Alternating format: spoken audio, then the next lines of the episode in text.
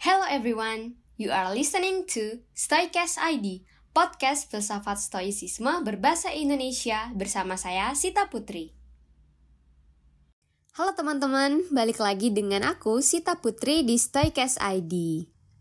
Buat teman-teman yang baru dengerin Stoicast ID di episode 27 ini, uh, teman-teman mungkin bisa flashback dulu atau uh, scroll dulu sampai episode pertama dan cari tahu nih sebenarnya Stoikes ID itu tentang apa gitu. Jadi biar uh, pemahamannya nggak akan loncat-loncat gitu ya dan memudahkan juga untuk teman-teman mengasah atau memahami pembahasan yang akan aku bahas di episode-episode selanjutnya. Kita akan ngebahas apa nih di episode 27? Oke, di episode 27 ini aku akan ngebahas tentang cara memilah informasi yang perlu kita respon dan yang nggak perlu kita respon. Istilahnya kayak ya udah diabaikan diabaikan aja gitu ya. Tentu saja dengan cara yang uh, stoik atau stoicisme gitu. Karena kalau kita sadari sebenarnya nggak semua hal harus selalu kita respon. Kadang ada kalanya kita cukup jadi observer aja gitu tanpa berlama-lama lagi, kita langsung aja yuk masuk ke pembahasan utama di episode kali ini.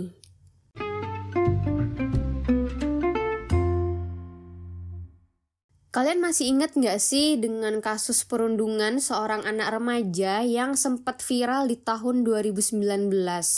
Sekitar tahun itulah ya. Nah, tapi setelah dicari uh, tahu kebenarannya, ternyata peristiwa yang diberitakan itu berbeda dengan fakta yang ada gitu. Kalian masih ingat nggak? Aku nggak perlu ngasih tahu peristiwanya yang mana, tapi pasti ini tuh yang viral banget gitu ya di Indonesia cukup viral gitu sampai uh, didatengin sama public figure dan segala macam orang-orang yang kita kenal gitu yang berpengaruh di media sosial gitu. Nah, teman-teman ikut terlibat nggak dalam merespon peristiwa tersebut? Karena jujur, aku tuh juga cukup terlibat pada saat itu kayak ikut berkomentar, wah parah nih, kok bisa sampai kayak gini ya. Seperti yang uh, dilakukan oleh netizen atau warganet lainnya gitu. Ngomongin tentang arus informasi di zaman digital saat ini, uh, arus informasi yang ada itu kita sadari ya, kita tahu tuh semakin ramai apalagi di dunia media sosial. Nah, sering kali arus informasi ini tuh bikin kita sulit untuk menyaring info yang mengandung fakta atau kebenaran gitu ya.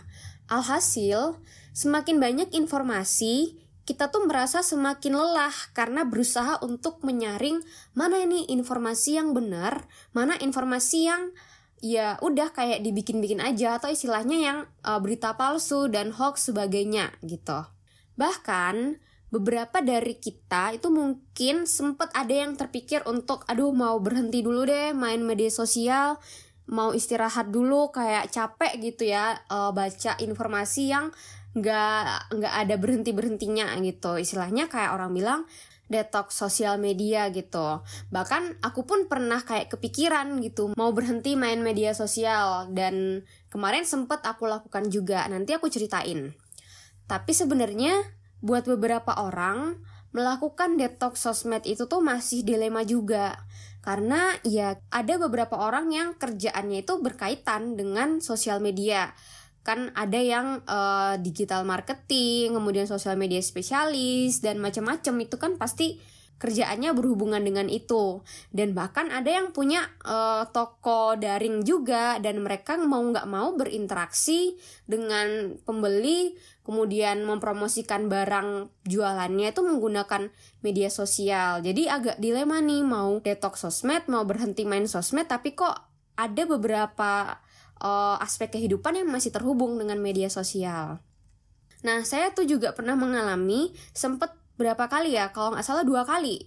Dua kali itu uh, berhenti main Instagram, sempat uh, deaktivasi akun dan di situ uh, aku merenung lagi nih aku merenung kayak karena kayak gini sebenarnya nggak semua hal di media sosial itu kan buruk. Tinggal kitanya aja nih mau nyaring yang benar-benar uh, kita butuhkan untuk kita baca informasinya atau ya semua hal tuh harus kita respon. Karena capek juga gitu loh kan kita ada yang main media sosial bu buat istirahat atau sebagainya tapi ini kok malah bikin capek. Nah setelah aku renungkan mungkin nih yang kita butuhkan sebenarnya tuh bukan berhenti main media sosial gitu tapi mengontrol penggunaan media sosial dan mengolah informasi yang banyak ini agar nggak terpengaruh ke diri kita secara langsung. Nah, sebelum kita masuk di cara biar kita nggak uh, selalu merespon hal-hal yang uh, nggak berkaitan dengan yang kita cari di media sosial, aku mau jelasin dulu uh, gimana informasi di zaman dahulu, terutamanya di zaman uh, filsafat stoicisme ini lahir ya. Kalau dulu kan penyebaran informasinya itu tuh nggak secepat sekarang gitu kan, karena dulu informasi menyebar ya dari mulut ke mulut gitu dan skalanya mungkin masih skala kecil gitu yang hanya ada di satu uh, pedesaan atau bahkan paling gedenya tuh satu kota doang gitu kan. Tapi seiring dengan perkembangan teknologi yang kita tahu saat ini, penyebaran informasi kan udah sangat cepat gitu dan skalanya lebih luas lagi karena udah sampai lintas negara gitu. Tapi walaupun begitu, ternyata para filsuf Stoa itu sejak dulu udah sering mengingatkan kita Salah satunya uh, filsuf Marcus Aurelius gitu.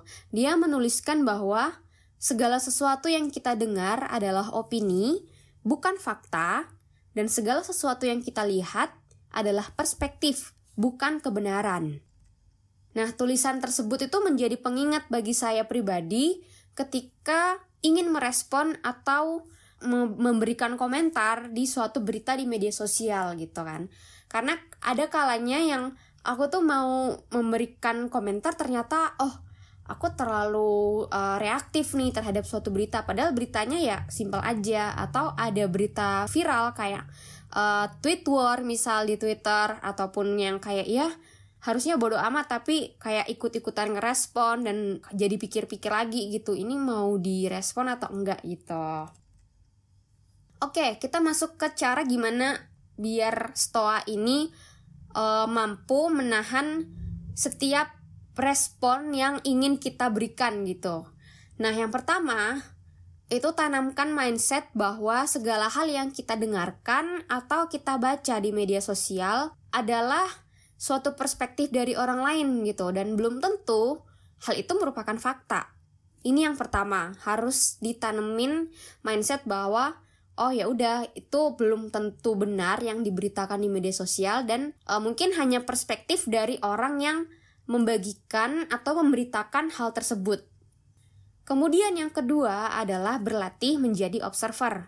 Jadi ketika misalnya kita baca suatu berita, kita ketika kita melihat suatu kejadian, cukup pahami dulu, dibaca dulu gitu. Karena ketika kita sudah mulai paham, inti dari uh, peristiwa atau berita atau ya kejadian cerita itu kita akan uh, berhenti untuk mencari tahu gitu karena kita tujuannya cuma oh cukup tahu aja gitu jadi uh, bersikap cukup tahu itu udah pas banget udah penting banget gitu istilahnya kemudian yang ketiga itu adalah menanyakan seberapa penting respon yang akan kalian berikan ini penting nggak ya aku memberikan respon seperti ini gitu. Kemudian tanyakan juga dampaknya nih kira-kira apa ketika aku merespon hal ini gitu. Nggak hanya dampak untuk diri kita sendiri, tapi juga dampak untuk orang-orang di sekitarku yang membaca respon dari aku gitu kan?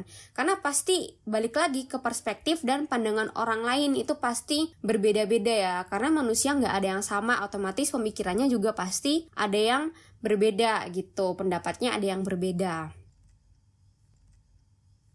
Oke, aku mungkin mau memberikan tiga cara dulu ya, karena kan uh, aku nggak tahu nih orang uh, tiap orang pasti punya batasan sendiri mau main media sosial uh, berapa lama gitu. Tapi memang yang perlu kita tanamkan itu kalau misalnya biar kita nggak selalu reaktif dengan suatu kejadian suatu hal yang terbaik adalah menanamkan mindset itu dulu yang tadi gitu. Bahwa semua yang kita baca kita dengarkan itu hanya perspektif gitu. Dan belum tentu merupakan kebenaran atau fakta termasuk yang aku ngomong di podcast ini. Jadi silahkan dipikirkan uh, lagi, di jadilah orang yang kritis, jangan langsung ditelan semuanya gitu. Dan Aku ingin menyimpulkan bahwa nggak semua peristiwa yang terjadi itu harus selalu kita respon. Ada kalanya ya kita cukup menjadi observer atau pengamat aja di media sosial dan ketika kita paham dan cukup tahu aja itu udah yang paling aman gitu, yang paling bikin damai, nggak perlu ikut yang ikut-ikutan mengomentari sesuatu hal gitu kan. Nah, dengan melatih untuk menahan memberikan respon terhadap suatu hal, kita belajar untuk uh, lebih sadar dengan apa yang akan kita ungkapkan di media sosial. Kita jadi berpikir lagi sebelum memberikan komentar atau respon. Karena nggak jarang ketika aku mempraktekkan hal ini tuh, aku hapus lagi tuh. Jadi draftnya tuh aku hapus, aku nggak jadi berkomentar. Oke, okay, kita udah sampai di penghujung episode 27 Stoikes ID. Terima kasih sudah mendengarkan hingga selesai dan jangan lupa share podcast ini jika menurut teman-teman bermanfaat. Kritik, saran, diskusi, dan pertanyaan bisa langsung disampaikan aja melalui DM ke akun media sosial yang ada di deskripsi episode ini. Saya Sita Putri pamit, sampai jumpa di episode selanjutnya. Bye!